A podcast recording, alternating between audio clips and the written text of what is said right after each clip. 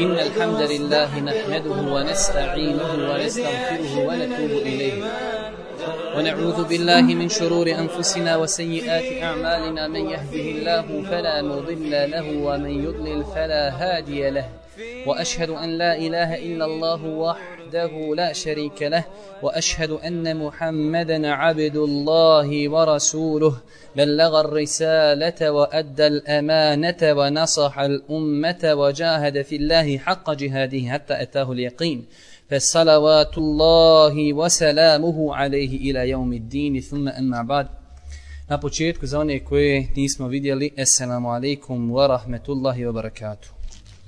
Lijeno obavlja ibadet. Znači, kada treba raditi neki ibadet, o, osjeća veliku ljenost. Također, čovjek osjeća grubost kada je u pitanju njegovo srce. Znači, čovjek sluša Kur'an, ne osjeća da, da, se njegovo srce imalo, da kaže mu se osjeća sa tim kirajetom, sluša predavanja, ne može da pusti suze. Znači, sve su to, braću moja draga, simptomi ove zasigurno opasne bolesti. Također, Čovjek dosta puta u toj svojoj slabosti kada gleda ljude koji rade grijehe, na ulici, ljudi piju alkohol, ljudi se kurvaju, zinaluči i radi sve što ne velja, čovjek nekada u slabosti tog svog imana poželi da i on počne da radi te grijehe. To je također, braću moja draga, simptom od ovih bolesti. Također, dosta puta ćemo vidjeti ljude da ne osjećaju obavezu nošenja ove vjere, vremena ove vjere. Čovjek je toliko bolestan da on sam o sebi više ne može razmišljati, kamol da razmišlja o bremenu koje smo svi mi ponijeli samom našom deklaracijom, da se čovjek deklariše kao musliman, deklarisanjem kao musliman, mi smo ponijeli neko breme. Ali kada čovjek oboli od ove bolesti, ovaj futura ili slabosti, ljenosti, on zaboravlja na to breme. Također, jedan od simptoma jeste da ljudi ne vole da u njihovom društvu bude učenih ljudi. To je također simptom bolesti. Zašto? Jer kada je u njihovom društvu neko ko je učen, onda oni se ne osjećaju lagodno, ne može se šaliti, ne može pričati viceve, ne može čovjek gledati TV, pred njim se moraju gasiti TV, mora se gasiti kasu, nema muzike, ne vole društvo učenih ljudi. Također davanje prednosti ku nad Ahiretom, pa smo to malo pojašnjavali, ko se sjeća. Također od simptoma ove bolesti jeste gubljenje vremena i njegovo neiskorištavanje kritikovanje svakog ozbiljnog projekta. Dosta puta ćemo naći ljude koji kada postanu bolesni, lijeni, kakvu god ozbiljnu stvar da mu predložiš, on odmah nije to dobro. Zašto? Zato ako ti uđeš sa njim u neki projekat, pokazat će se njegova slabost, neće da radi. Zato svaki ozbiljan projekat, on odmah u korijenu nije dobro. I zadnja stvar, braću moja draga, jeste odgađanje rađenja dobrih dijela i mnoštvo iluzija. Mnogo ljudi u toj svojoj bolesti sve sutra ću ako Bog da početi postiti, sutra ću početi klanjati noćni namaz, šta ja znam, sljedeći hefti ću početi davati sadaku i tako. To su, braću moja draga, samo odgađanje, to je ono što se u arapskom zove general seufe, znači seufe u arapskom znači ako Bog da. Uradit ću ako Bog da, ali ništa znači nema konkretno na terenu. Dobro, Mislim da smo se svi tu i tamo malo prisjetili ovih simptoma, da smo se otprilike izvagali, da smo bolesni, neko manji, neko više. E, nakon toga počinjemo naše predavanje, a to je, braću moja draga, razlozi. Šta to biva razlogom da čovjek oboli od ove bolesti? To jeste malo prevedeno i popuš, ovaj, lakše objašnjeno gdje bi čovjek mogao da nađe viruse te bolesti. Pa prva stvar, braću moja draga, od razloga koji vodi ovoj opakoj bolesti jeste da čovjek radi djela, a ne radi iskreno ime Allaha subhanahu wa ta'ala. Mi znamo svi, to je poznat, uči se na svakoj medresi, na svakom dersu i šta ja znam, da čovjek kada radi neko djelo, da bi bilo primljeno kod Allah subhanahu wa ta'ala, potrebno da bude iskreno i na to ukazuju mnogi, mnogi argumenti. Ali mi ćemo ovdje spomenuti jednu drugu stvar, a to je, braćo moja draga, kada radite neko djelo, a naročito ako se radi između vas i ljudi, onda gledajte da to radite čisto u ime Allaha. Ako nešto daješ, daj u ime Allaha. Ako nešto ne daješ, ne daj u ime Allaha. Ako nekog voliš, voli ga u ime Allaha. Ako nekog mrziš, mrzi ga u ime Allaha. Zašto, braćo? Zato što se ljudi razlikuju. Nekome ćeš raditi dobra djela deset godina, ali on, kao čorava mačka, ne vidi ništa. I to te boli. Ali kad te neće boliti? Neće te boliti ako radiš u ime Allaha. Vidio ti, brate, ili ne vidio, ja znam što radim. Ja to čekam tamo ovdje me ne interesuje. To normalno boli čovjeka, ali da bi lakše podnio te bolove, onda samo radi u ime Allaha. Ti radiš i ne očekuješ od ljudi. Ako od njih dođe neka zahvala, elhamdulillah. Ali ako se nikad u životu ne kaže ni šukre, ni fala, ni ništa, od tebe ni očekujem. Ja radim za Allaha subhanahu wa ta'ala. To je, braću moja draga, zasigurno jedna bitna stvar. Također, druga stvar od razloga oboljevanja od ove opasnih bolesti jeste, braću moja draga, el džehlu, neznanje, nepoznavanje šerijatski nauka.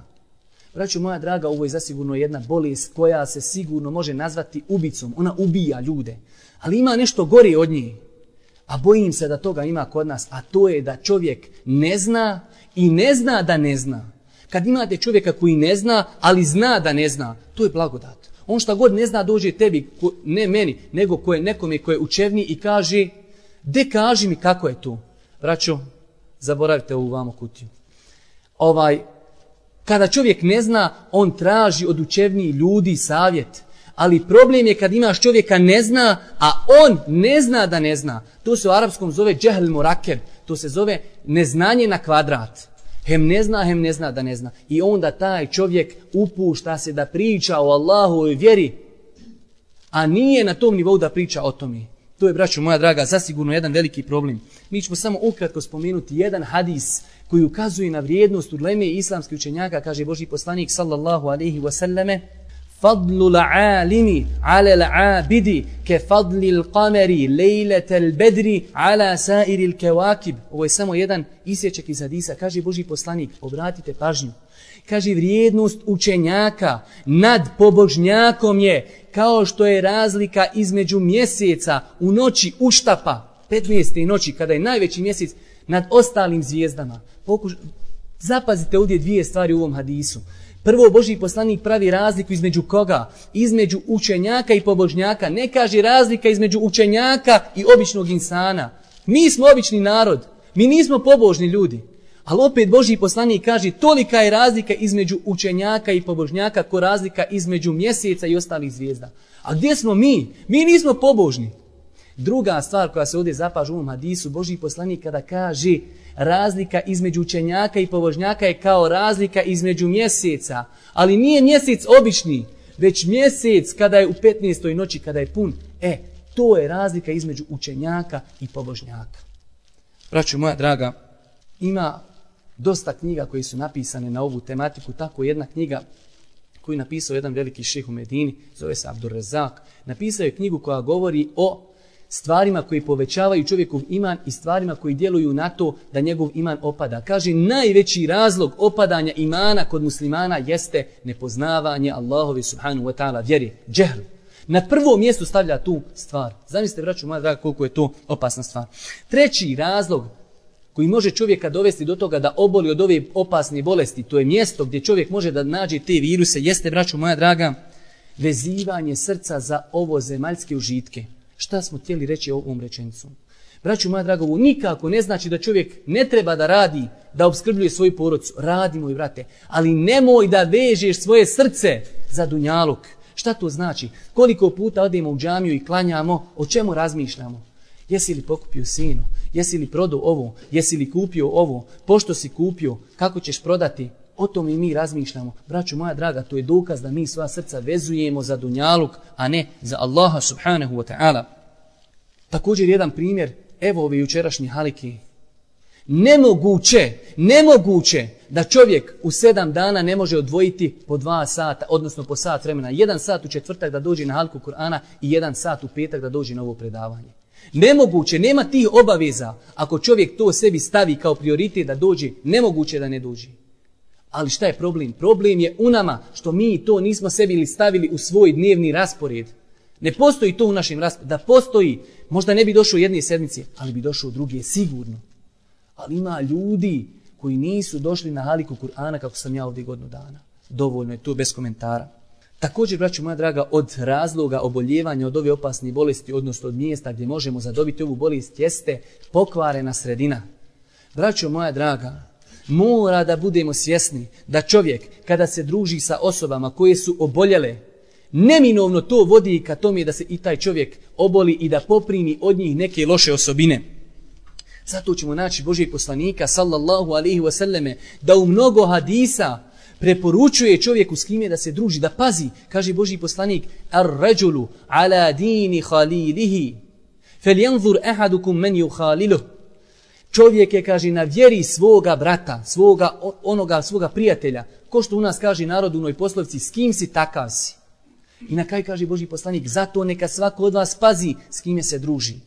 Znači ovdje treba spomenuti jednu stvar, a to je čovjek treba da se pazi osoba koje su vanjštinom dobri muslimani, ali ti ljudi su bolesni od jedne stvari, a to je nepostojanje ambicija u njihovom životu. Čovjek, musliman, mašala s vanjštinom pokaziva da je dobar musliman, ali kada pogledaš u život tog čovjeka, ni jednim svojim postupkom on ne pokazuje da njega boli stanje umeta. Kada pogledaš njegovu biografiju, nema djela nekog većeg koji je on uradio za džemat, za islam. Tu, braću moja draga, treba čovjek da se pazi druženja. To su naša braća i trebamo da im dajemo njihova prava, ali trebamo da se pazimo druženja s njima kako ne bi oboljeli od te bolesti pa da i mi ne bi sutra počeli da razmišljamo kao i oni. Navešću vam jedan primjer a to je lijep primjer za zapamt. a to je primjer jabuka. Braću moja kada imate jednu korpu jabuka, samo jedna jabuka ako ima u njima koja je udarena, ona će ako za hertu dana ne izvadiš tu jabuku, ona će stvoriti oko sebe pet pokvareni. Ako za dodatni pet dana ne izvadiš tih pet, ode cijela korpa. Mi normalno ovo praktikujemo u životu, žao nam jabuka, ali ne praktikujemo kada je u pitanju naša vjera i kada je u pitanju naše ponašanje. Treba čovjek da se druži s osobama koju kada vidiš, odmah ćeš dobiti moral za životom. Da, kada ga vidiš kako se trudi, kako radi, kako može da izdrži, s takvim osobama treba čovjek da se druži. Braćo moja draga. Također, stvar koja može biti razlogom oboljevanja od ljenosti i slabosti jesu, braćo moja draga, grijesi i jedinje stvari koje nisu dozvoljene. Braćo moja draga, neću ovdje govoriti o velikim grijesima, Mislim da smo mi narod i grupa, inšala, probrana grupa ljudi koja ne čini velike grijehe. Ali ću spomenuti jednu drugu stvar, a to je, braću moja draga, često puta vidimo, braću, da olako, olako, olako padaju u neke takozvani malo manje grijehe. Braćo moja draga, iako su to takozvani malo manji grijesi, ali znajte, ako čovjek radi konstantno, konstantno čovjek gleda u žene koje prolazi ulicom, kao navodno on se ima nije žen drugi put ovaj, znajte da će to biti razlogom da pocrni njegovo srce. A kada pocrni njegovo srce, onda taj čovjek, kakav on i njegova marljivost za rad za islam, taj čovjek je mrtav, taj čovjek je ljen, taj čovjek ne osjeća da treba da radi, zato što je njegovo srce crno, braćo moja draga.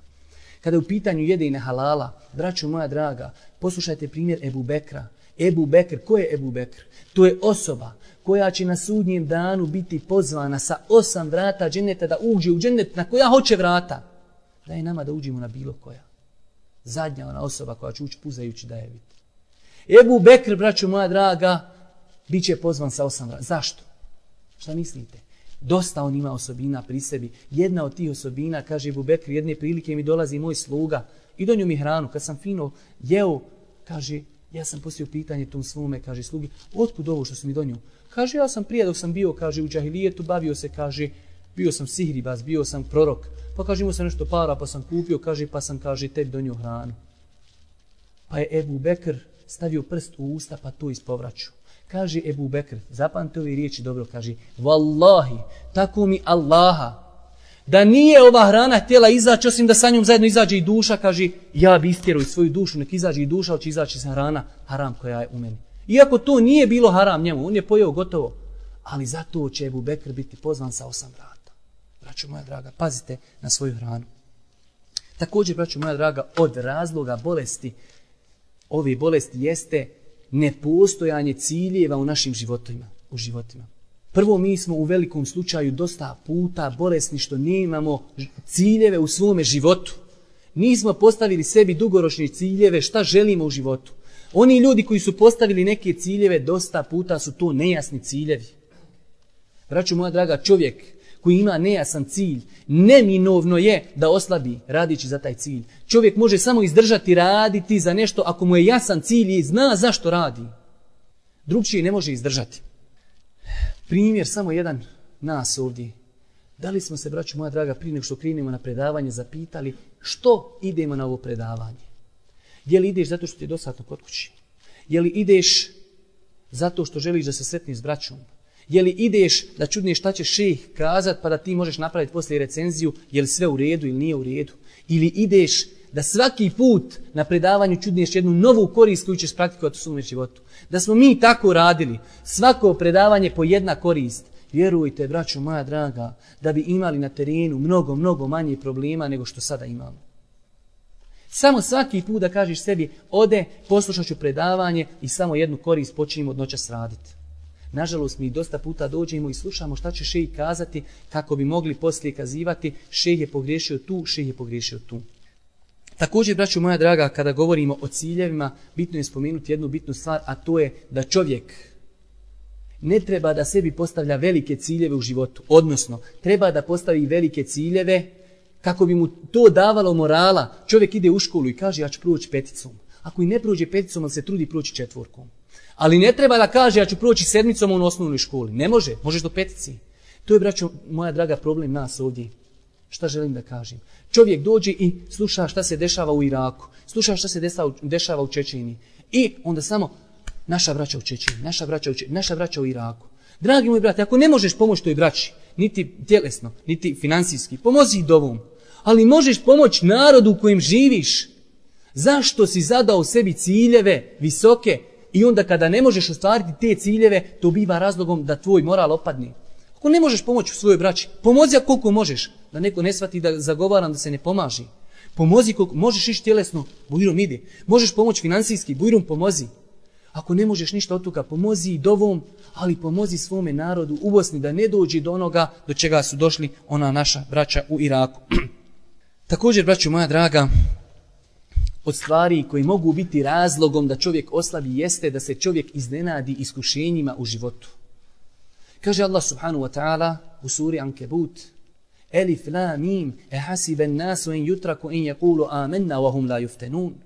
Zar misle ljudi da će biti ostavljeni da samo kažu vjerujemo, a da neće biti iskušani? Znajte, braću moja draga, kada čovjek krene ovim putem, a naročito u ovim teškim vremenima, mora biti iskušan. I greška je, zasigurno greška, da čovjek smatra da može živjeti bez iskušenja. Ali ima jedna druga stvar. Braću moja draga, ne trebamo mi sami sebi praviti iskušenja. Hajmo mi sada otići tamo razlupati nekom kafić, pa kada nas policija fino odvete u zatvor, onda sjednemo lijepo i kažemo, a što je teško biti musliman, brate, ja iskušenja. Nemoj, brate moj dragi, da ti budeš razlogom iskušenja, ali kada dođu iskušenja, onda budi strpljiv. I budi spreman na njih i znaj da će te na ovom putu čekati iskušenja. Nemoj da ti iznenadi. Također, od razloga ove pojavljivanja, ove bolesti, jeste, braćo moja draga, individualitet. Da čovjek radi nešto kao pojedinac. Draga moja braćo, mi živimo u teškim vremenima i čovjek ne može živjeti kao pojedinac ako bude živio kao pojedinac, znajte da će ga pojesti vukovi. Pogledajte u Kur'an, vidjet ćete Allah subhanahu wa ta'ala kada se obraća dosta puta, u velikom broju slučajeva se obraća u množini. وَتَعَوَنُوا عَلَى الْبِرِّ Pomažite se u rađenju dobrih dijela. Ne kaže Allah Đelšanu u jednini, radi sam dobra djela. Pomažite se, šta to znači? Džemat, ne možeš, brate moj, biti pojedinac. Wa'tasimu bihablillahi jami'an. Zajedno se svi držite čvrsto Allahovog užeta. ne možemo, braćo moja draga, biti pojedinci. Također, od stvari koje mogu biti razlogom ove bolesti jeste da čovjek ima neku konzervativnost, a naročito kada je u pitanju pozivanje ljudi u Allahu subhanahu wa ta'ala vjeru. Braćo moja draga, čovjeku dosadi da radi jednu te istu stvar. Hvala Bogu mi živimo u vremenu kada Allah subhanahu wa ta'ala olakšao mnogo ti stvari. Pa ako ti je dosadio da pozivaš ljude pričom, dijeli letke, ne, ne možeš dijeliti letke, dijeli kasete, ne možeš to, idi ljudima u posjetu zjaret, ne možeš to, idi pomaži ljudima cijepa drva, radi nešto različito i to će biti uz Allahovu pomoć jedan velik razlog da čovjek znači se ostavi ovi loši bolesti. Također, od razloga oboljenja ove bolesti jeste, braću moja draga, ne postojanje osjećaja izazova. Šta to znači? Da čovjek, braću moja draga, živi i ne osjeća, ne osjeća da postoji neko koji je potreban njegovog rada. Ne osjeća da je stanje muslimana jadno. Ako čovjek živi i kaže mašala sve u redu, taj čovjek normalno da će se ulijeniti. Zato što ne osjeća potrebu da treba da radi. Ali kada čovjek, braću moja draga, osjeći, osjeti potrebu, onda se taj čovjek budi onda ta bolest od njega odlazi. Navešću mu jedan normalan primjer. Čovjek uđe u kuću i ostavi auto napolju bez garaži, a normalno pokvarila mu se brava pa ne može zaključati auto.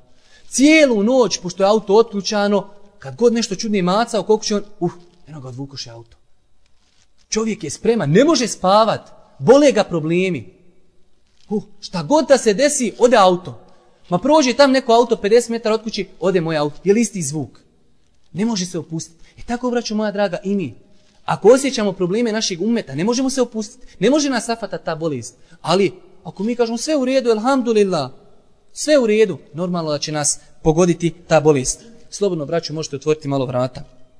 Također, braću moja draga, jedna bitna, bitna stvar, a to je od razloga oboljenja od ove bolesti jeste nepostojanje sklada između volje i djela.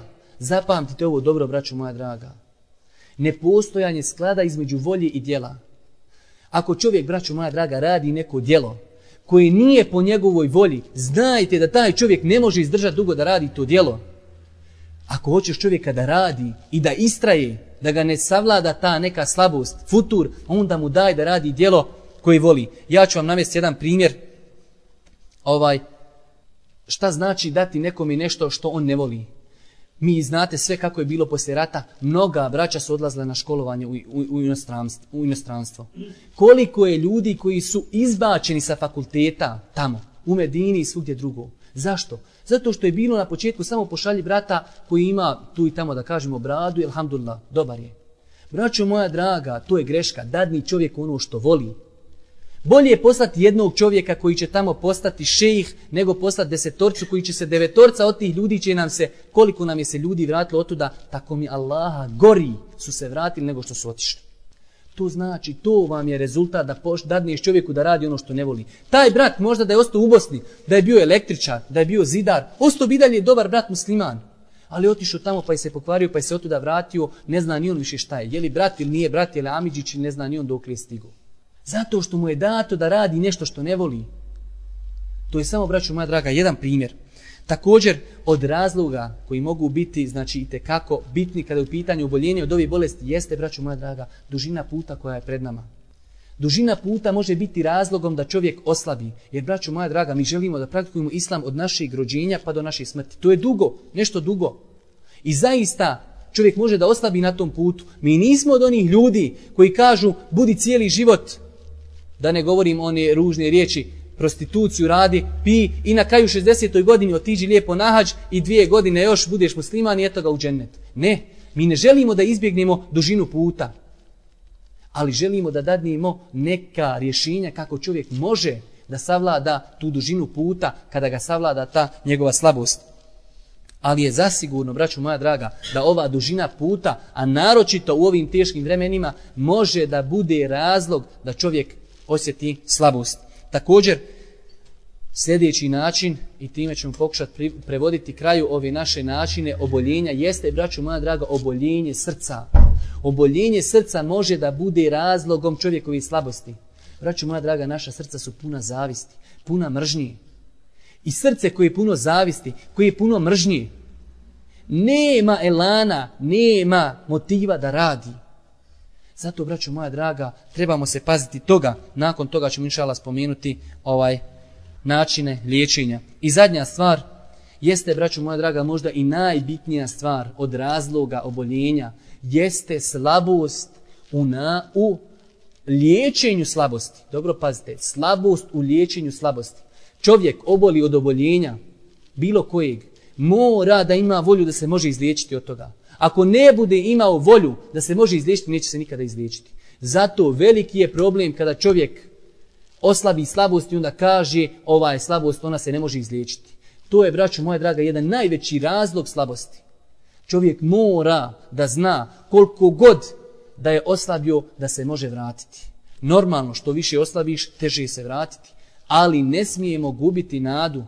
Svaka bolest je uz Allahu subhanahu wa ta'ala pomoć ovog, ovaj, kako se zove, da kažemo tipa bolesti izlječiva. Samo vraća se tu na nas koliko ćemo uložiti napora. Dobro, nakon što smo spomenuli u neki pol sata nekoliko načina, sada ćemo inšala u neki 20 minuta spomenuti neke od načina liječenja ovoga svega što smo spomenuli. Ali prije toga ćemo spomenuti dvije bitne stvari. Prva stvar, nezamislivo je, braću moja draga, da se neko liječi, a nije shvatio da je obolio.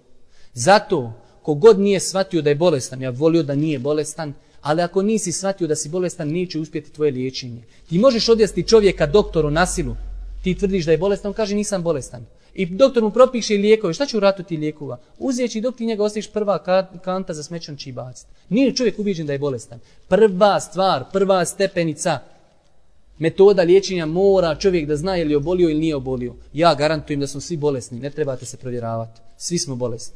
Odmah, znači, da riješimo, bolesni smo. Druga stvar, jeste, braću moja draga, sve stvari, razloge koje smo spomenuli, ujedno tu mogu biti i načini liječenja. Kako?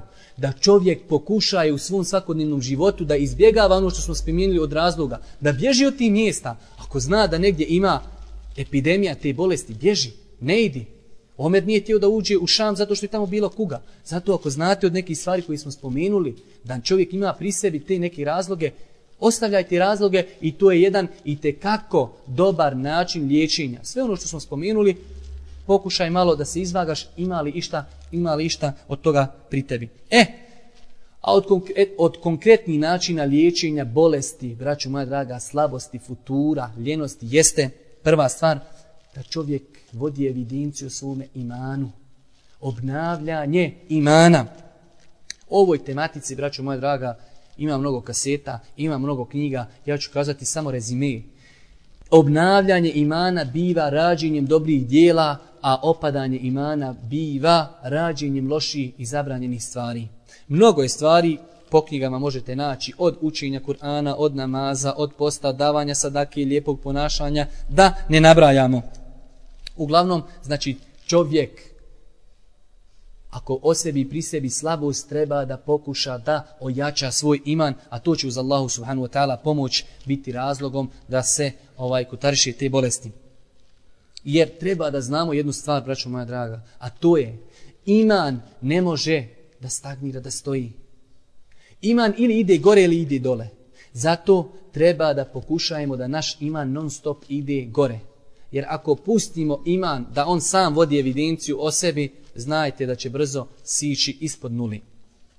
Druga stvar u načinima liječenja ove bolesti, slabosti i futura jeste neprestani osjećaj Allahove subhanu wa ta'ala Allahog wa ta'ala nadzora nad nama. Kaže Boži poslanik sallallahu alaihi wasallam, kada mu dolazi Džibril pa ga pita šta je to ihsan? Pa kaže Boži poslanik en ta'abud Allahe ke enneke terah fe in lem tekun terahu fe huje rak. Kaže šta je tu ihsan? Kaže Boži poslanik ihsan ti je da obožavaš Allaha kao da ga vidiš jer ako ti njega ne vidiš zaista on tebe vidi. To, braću moja draga, kada čovjek duži na takav stepin, da tako obožava Allaha, to je zasigurno jedan dobar način liječenja od ovih bolesti. Također, kada govorimo ovdje o, o Allahovom nadzoru neprestanom nad nama, čovjekovo spominjanje Allaha i zikrinje zasigurno ukazuje, ovaj, to je jedan veliki pokazatelj koliko čovjek ima na umu da je Allah subhanahu wa ta'ala taj koji ga non stop nazire. Pa ćemo tako naći selefa da su u tim stvarima prve generacije da su bili čudni. Jedne prilike jedan selef dolazi na pijacu i ulazi u pijacu i zikri. Pošto su oni, braćo moja draga, neprestano zikrili, spominjali Allah subhanahu wa ta'ala. Ulazi bi došao kod tezge, hoće nešto da pazari, zikri naglas. Kaže njemu trgovac, pa šta je to da ti nisi lud? Nisam, kaže, nisam. Ovo je, kaže, lijek protiv ludosti. Ovako se ja, kaže, liječim. Znači šta hoće da kaže, oni koji ovako se ne liječi, svašta može sa njima biti. Normalno, jedan od najboljih zikrova je, braćo moja draga, učenje Kur'ana i treba da znamo da je Kur'an zasigurno, zasigurno lijek za kako tjelesne bolesti, tako i za duševne bolesti. Treći način na koji čovjek može da se liječi od futura, slabosti, ljenosti jeste čišćenje srca od onih stvari koje smo spomenuli, braćo moja draga, od zavisti, od mržnji, od zlobi. Poznati vama svima hadis koji se citira skoro na mnogo predavanja i na hudbama i koji je zabilježi imam Ahmed radijallahu rahimehullah, tamo onaj Asab koji tri dana u kraj grupi ashaba sa Božim poslanikom, pa kaže Božji poslanik, danas će proći kraj vas čovjek od dženetlija, pa sutra, pa prekustra, pa Amr ibn, a, Abdullah ibn Amr ibn As odlazi kod njega, pa da gleda šta je, čim je zaradio dženet. Treći dan ništa nije primijetio. Kaže, dragi moj brate, Boži poslanik kaže da si ti od stanovnika dženeta, ja ništa kod tebe nisam primijetio, ništa. Nit puno postiš, nit puno klanjaš, nit puno zikriš, sve nakon normal ko i mi.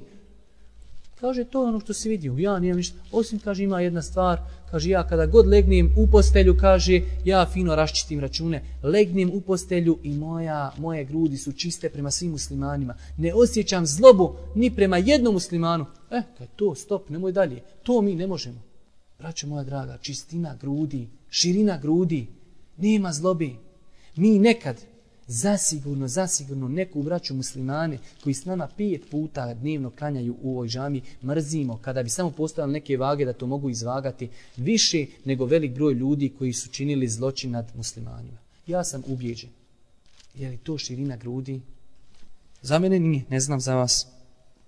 Jedan način, braćo moja draga, mnogo je načina čišćenja srca i grudi od te zavisti, zlobe i ti stvari, ali jedan i tekako bitan način kod nas zapostavljen jeste, braćo moja draga, razgovor, dijalog.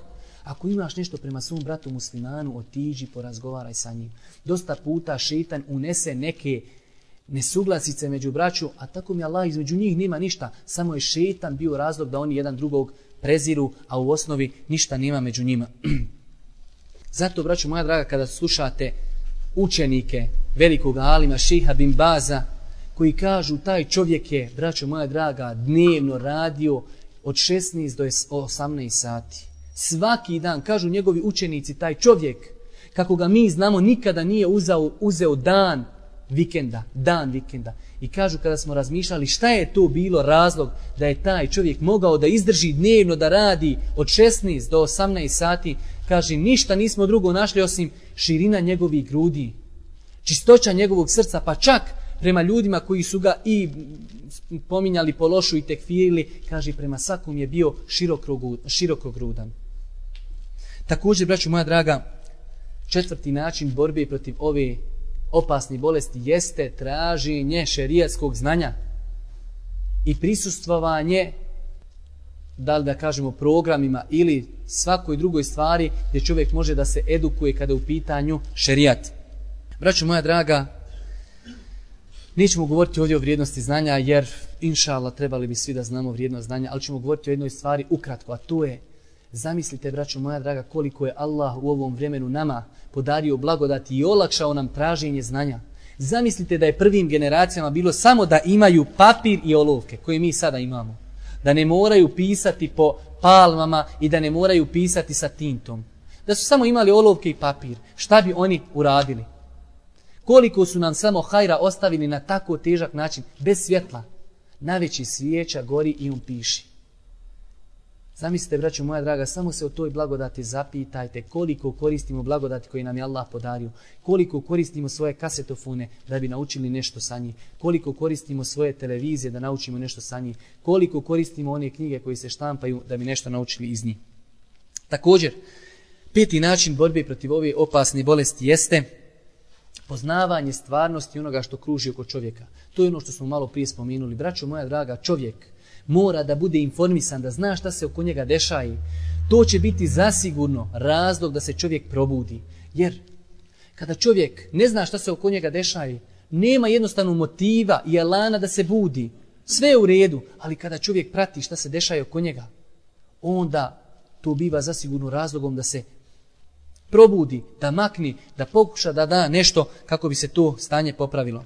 Također, jedna bitna stvar, braćo moja draga, od načina liječenja ove bolesti jeste umjerenost u vjeri. Šta je to, braćo moja draga, umjerenost u vjeri? Umjerenost u vjeri je da čovjek ide središnjim putem bez pretjerivanja i bez popuštanja. Bez popuštanja, ali bez pretjerivanja. Braćo moja draga, znajte da ova umjerenost zasigurno vidjet ćete iz spomenutih primjera daje čudnu snagu čovjeku u iskušenjima, u smutnju, problemima, samo ako se čovjek drži središnjeg puta. Braću moja draga, umjerenost se traži od nas u svemu. I ne samo u vjeri, i u svakodnevnom našem životu. Naš odnos prema braći, naš odnos prema profesorima, prema dajama, prema alima, prema šehovima. Je li, braću moja draga, tu umjerenost? Brat, musliman, pogriješi prema tebi samo jednom. Cijeli život s tobom dobar i ti ga zbog te greške jedne prekrižiš. Nije to, braćo moja draga, umjerenost prema, u ponašanju prema braći. Ne kažemo da podržajemo greške, ali nije to realnost. Cijeli život ti čovjek čini hajr i jednom pogriješi ti ga odmah prekrižiš. Šejih napisao stotine dijela i jednu dadnje fetvu koja je po tebi greška. Ne mora znaš da je greška, nego po tebi, po tvom uskom razmišljanju je greška. I ti tog šiha prekrižiš zato što je rekao šta ja znam. Ne smije se ići ovdje, ne smije se raditi ovo, smije se raditi ovo. Samo zbog jedne petve ti prekrižiš čovjeka koji za sebe ima stotina kaseta i stotine knjiga napisani. Je li to? Je li to umjerenost?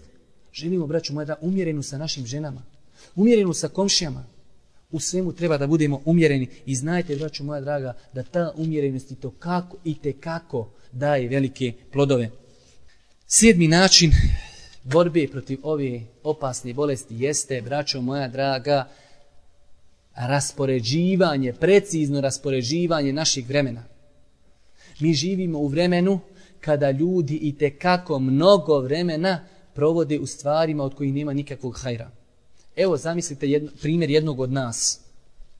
Čovjek od nas se ovdje smatra dobar i kako dobar ko odvoji jednom sedmično da dođe na predavanje.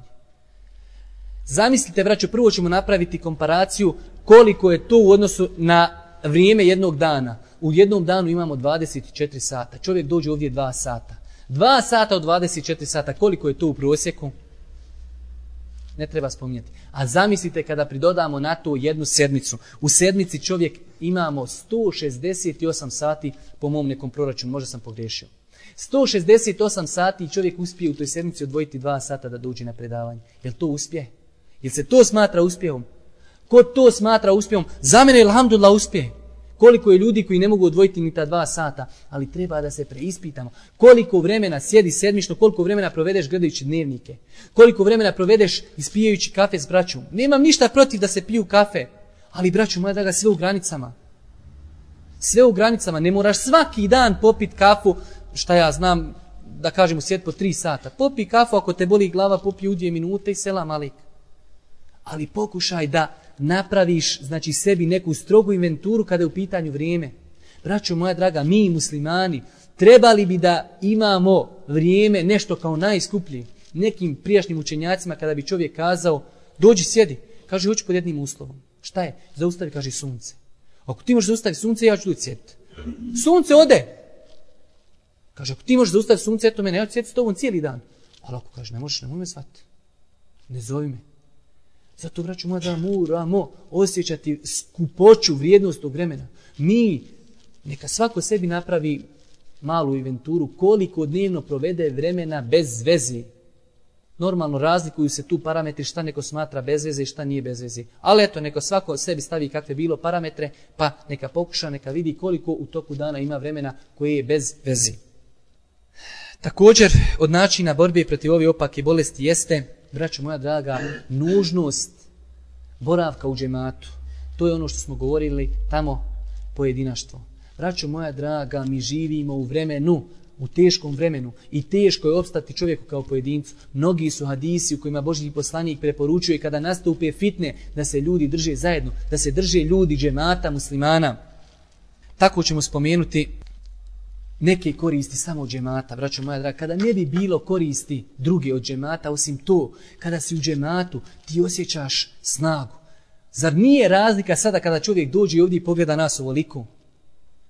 A razgleda ti odeš svojoj kući pa ti sam. Pogodite neki musibet i kontaš pa subhanallah, nema niko da ima musibeta koja. ja. Zar sam ja sam na ovoj planeti? Ali kada dođeš vidiš da ima ljudi koji praktikuju ono što i ti praktikuješ, koji su zajedno s tobom. Sutra, ne do Allah, ako kreneš malo skretat, neko će od tih ljudi te uzeti lijepo za rukav pa će kazati, dragi moj brate, ja te volim u ime Allaha, nemoj, nije to u redu.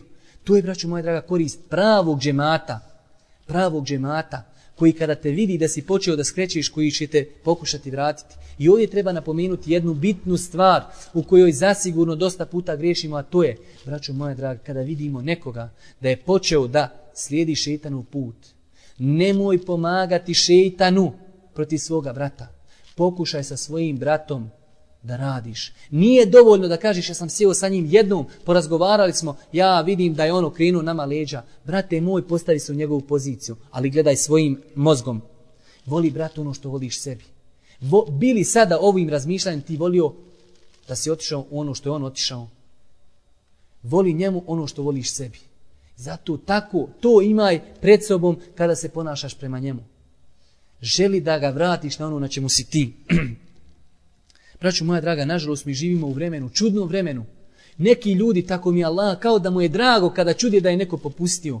Kada, mu, kada dođe do njega neka vijest da je neki profesor, neki daja, neki šeh, neki alim, šta ja znam, neću navoditi ovdje primjere, ili je ušao u školu, ili je uradio ovo, ili je uradio ono. Veseli se nečoj brizi, nečoj tuzi, nečijim musibetima. Je li to ono čemu nas uči Islam? Je li to ono voli svome bratu što voliš sebi? Također, braćo moja draga, za ovu tematiku ima jedan problem.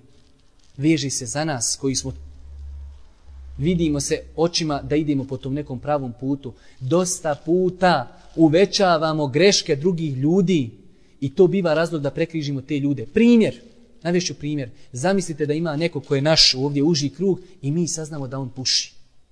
Ja znam da bi dosta ljudi kada bi znalo da on puši, prekrižilo bi ga. Dragi moj brate, Hoćeš li tim prekriživanjem tog brata pomoć njemu? Hoćeš li da ga napraviš ne samo da konzumira duhan, već će možda početi konzumirati i alkohol, počet će da bludniči, možda će početi da se drogira. Ako bude kao takav uz Allahu pomoć, ostavi ga ako ništa. Budi razlogom da ostane samo na duhanu, nemoj da ode dalje. A pokušaj, pokušaj da se vrati, da ostavi i duhan. Mi dosta puta vidimo tuđe greške velikim. Čovjek možda počeo u duhan pa ga mi prekrižimo. A ne vidimo svoje greške. braću moja draga, gibet. Gibet da spominješ svog brata muslimana po jednoj greški. Da pomeniš svoga brata muslimana po onome što on ne voli. To je veliki grijeh po svoj ulemi. Veliki grijeh. To mi kod sebe ne primijetimo. Spominjemo po cijeli dan našu braću muslimane. Što nismo nekoga prekrižili zbog gibeta. Što nismo sebe prekrižili. Čovjeka ćeš prekrižiti zbog duhana. Za mene je duhan haram. Ali nije na nivou gibeta. Zašto smo nerealni? Nekoga si u stanju prekrižiti zbog duhana. Prekriži sebe što svaki dan po stotine puta ogibetiš nekoga brata muslimana. Nerealni smo, braćo moja draga. Uvećavamo tuđe greške. Nimamo mudrosti. Pogledaj Božijeg poslanika, najboljeg učitelja. Rekao sam puno puta i to ću ponoviti puno puta, makar to ne bilo pravo nekim ljudima. Nije islam da čovjek samo pusti bradu. Nije islam da čovjek samo zavrni nogavice. To su sastavni dijelovi islama, zasigurno. Ali, braćo moja draga, islam je celokupan sistem života. Pogledaj poslanika, dovodi, dovodi mu čovjeka koji pije alkohol. Zamislite sada kada bi neko bio među džama koji pije alkohol. Ne bi mi htjeli sjediti, njega bi izbacili s predavanja. Ti nisi za nas, piješ alkohol. Božijem poslaniku dovodi čovjeka, bićuju ga zbog alkohola, pa ga počinje jedan čovjek grditi, proklinjati. Kaže Boži poslanik, nemoj pomagati šetanu protiv svoga brata. Drugi čovjek, Ashab, Hatib ibn Belta, poznati hat, Ashab, kada je Boži poslanik pokrenuo vojsku prema Meki, šalje pismo, braćo moja draga, pronevjera, vojni, tajni. Šalje pismo kurešijama, kaže Boži poslanik je krenuo, pazite se. Boži poslanik saznao za to, dovodi ga, pita ga. Kaže Boži poslanik, ja to nisam uradio zbog kufra, što ne volim vjeru, niti zbog riddeta. Želio sam da malo pridobijem kurešije za sebe. Nemam tamo, ja nisam kurešija, nema moje familije, ko će čuvati moje ženu, djecu. Dolazi Omer, Kaže, o Boži poslaniče, pusti me da osjećam glavu tomu nafiku. Kaži Boži poslanik, Omere, znaš li ti da je Hati bio na bedru? Taj Hatib ima titulu, on je bio na bedru. Ne možeš čovjeka zbog jedne stvari prekrižiti. To je greška, to mi osuđujemo. Ali ne možeš čovjeka prekrižiti. Čovjek pije, Hoćeš li prekrižiti tog čovjeka pa da počne sutra da radi i veće stvari? Čovjek klanja ali pije. Hoćeš li ga prekrižiti? Nemoj ga prekrižiti. Radi na tome da ostane na tome ili pokušaj da ostavi te stvari. Tako, vraću moja draga, trebamo da gledamo životopis Božijeg poslanika malo širi. Nemojte da gledamo samo šije stvari. Micanje prsta, dizanje ruku, nikab, brada i nogavice. To su sve i tekako bitne stvari. Ali, braćo moja draga, Islam je nešto mnogo, mnogo širi. Mnogo, mnogo širi. Zato, braću moja draga, ovo su zasigurno bitne stvari i moramo ove stvari ponavljati. Moramo i ponavljati toliko da, da, da dosadimo jedni drugima sa ponavljanjem ovim stvari. Također, braću moja draga, i privodit ćemo kraju ovo naše druženje. Kada je u pitanju borba protiv te, da i nazovemo slabosti, futura, ljenosti, čovjek bi trebao da u rađenju ibadeta pokuša da radi što više raznovrsnih ibadeta, kako bi time razbio tu monotonost. Čovjek nije ima volje da klanja na filu. Dobro, dragi moj, posti. Ne možeš postiti. Udjeluj sadaku. Ne možeš ni to. Idi zjareti ljude. Ne možeš ni to. Idi ljudima cijepaj drva, bolam budi daje na taj, na taj način. Ne možeš ni to. Radi nešto šta bilo, ali bitno je da radiš neke različite stvari. Znači, to je također jedan i tekako plodonosan način kada je u pitanju borba protiv ove loše bolesti.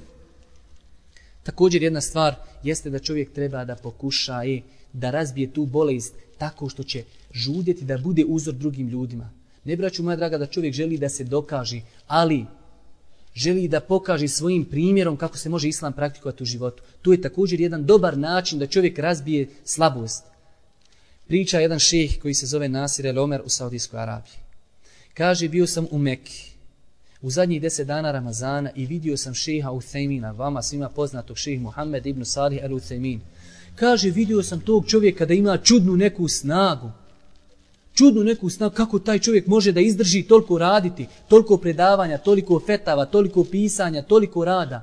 Kaže, pa sam, pošto je bio u tim nekim dobrim odnosima sa ljudima koji su bili bliže njemu, kaže, otišao sam kod jednog čovjeka i pitao sam ga, kaže, de, kaži mi bogati koliko ših spava u toku dana. Kaže, ših spava u toku dana tri sata do četiri. Braćo moja, to su uzori to su ljudi koji su shvatili koliko breme su um, ponijeli ummeta na sebi. I dođe sad neki brat koji tako mi Allaha ne zna šta kvari abdest. I dođe i on počne komentarisati fetve šeha Uthemina. To nisu sveci daleko od toga, niti želimo uzdigniti na nivo, to nije dozvoljno svetaca, ali to su autoriteti cijelog umeta i dođe čovjek zbog jedne fetve koja je možda ispravna ili možda neispravna, prekriži šeha. Evo bila kako su to teške stvari. Kaže se za jednog šeha također koji sada živi u Saudijskoj Arabiji, šeh Džibrin. Jedne prilike mu dolaze ljudi, novinari, i sa njim intervju. A ovo komentariše jedan drugi šeh. Kaže, čitao sam taj intervju i pitaju šeha, kaže, kada ste bili vi mladi, kako ste vi tražili znanje? Kaže, e ovako, od sabaha do podne smo imali predavanja. Od sabaha do podne. Kaže, pa bi onda odlazili kući kaj do Ikindije, pa od Ikindije do Jaci. I kaže, onda opet kući. Kaže ovaj šeh što je taj intervju, kaže ja sam se obeselio, kaže vidiš ipak je bilo praznog vremena u šehovom životu od podnije do ikindije i posle jacije. Nekad je jacija rano u 7 sati na veći. Aj, kaže vidiš bilo je znači ipak vremena, ali dobro je koliko toliko i ja sam tu negdje, dobro je. Kaže, e sljedeće pitanje dolazi šehu, kaže dobro šehi, ovaj novinar pita šeha Džibrina, Veli, pošto ste toliko vremena provodili kod šehova, a kad ste vi učili hivzali Kur'an, kad ste učili na pamet hadise, kad ste to ponavljali, pa kaže od podne do i posle jaci.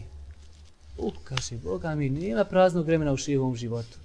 E taj šej Džibrin kada dadne fetvu, koji je možda tako proveo 30 godina, 40, 50, dođe neko odvraće i kaže pogriješio je šej A pogledajte u život to, te osobe, ima li samo jedno djelo, jedno djelo koje bi se moglo nazvati da je malo veće od običnih dijela, u njegovoj historiji, a pogledajte u dijela tih ljudi. Priča nam jedne prilike, jedan šeh u Medini kad smo bili kod njega na kursu, pa smo počeli nešto raditi tako, nešto smo se zapričali, pa kaže, govori o ovom šehu Džibrinu, kaže, mi smo došli jednom i treba početi neki kurs. Kaže, bilo je tamo na plakatama, drače se poglavlje, šta ja znam, braka. Kada smo mi došli, mi kažemo šehu, eto šehu, ali mi voli, šta ja znam, da radimo neko drugo poglavlje, zekijata, nešto skroz lijevu. Kaže, šehu, što me ne briga. Hoćete zekijat, ja sam spreman za zekijat. Hoćete brak, ja sam spreman. Ti ljudi se ne trebaju pripremati ko ja hertu dana da održi predavanje. Šta god hoćeš, on ti odmah kurs. Odmah, što mene brije. Još šehovi došli kod njega da uči. Šehovi. Kaže, nema smetnje. Koje vi poglavi odabirite? Ja odmah mogu početi pričati.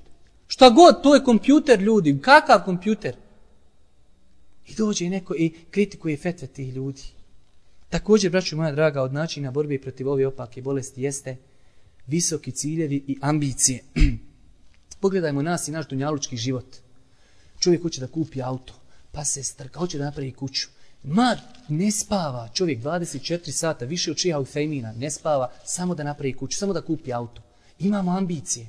Tako, braću moja draga, trebamo za ahiret. tu je nešto veći, džennet. Čovječe, postavi preda se veliku plakatu, zadnja moja stanca je gdje? Džennet. I tu radi neumorno. To treba da ti bude jedan veliki motiv da radiš za Allahu vjeru. Kakva kuća, kakvi montirači, kakvo auto, kakvi bakarači, kad se tu uporedi sa džennetom čovječe.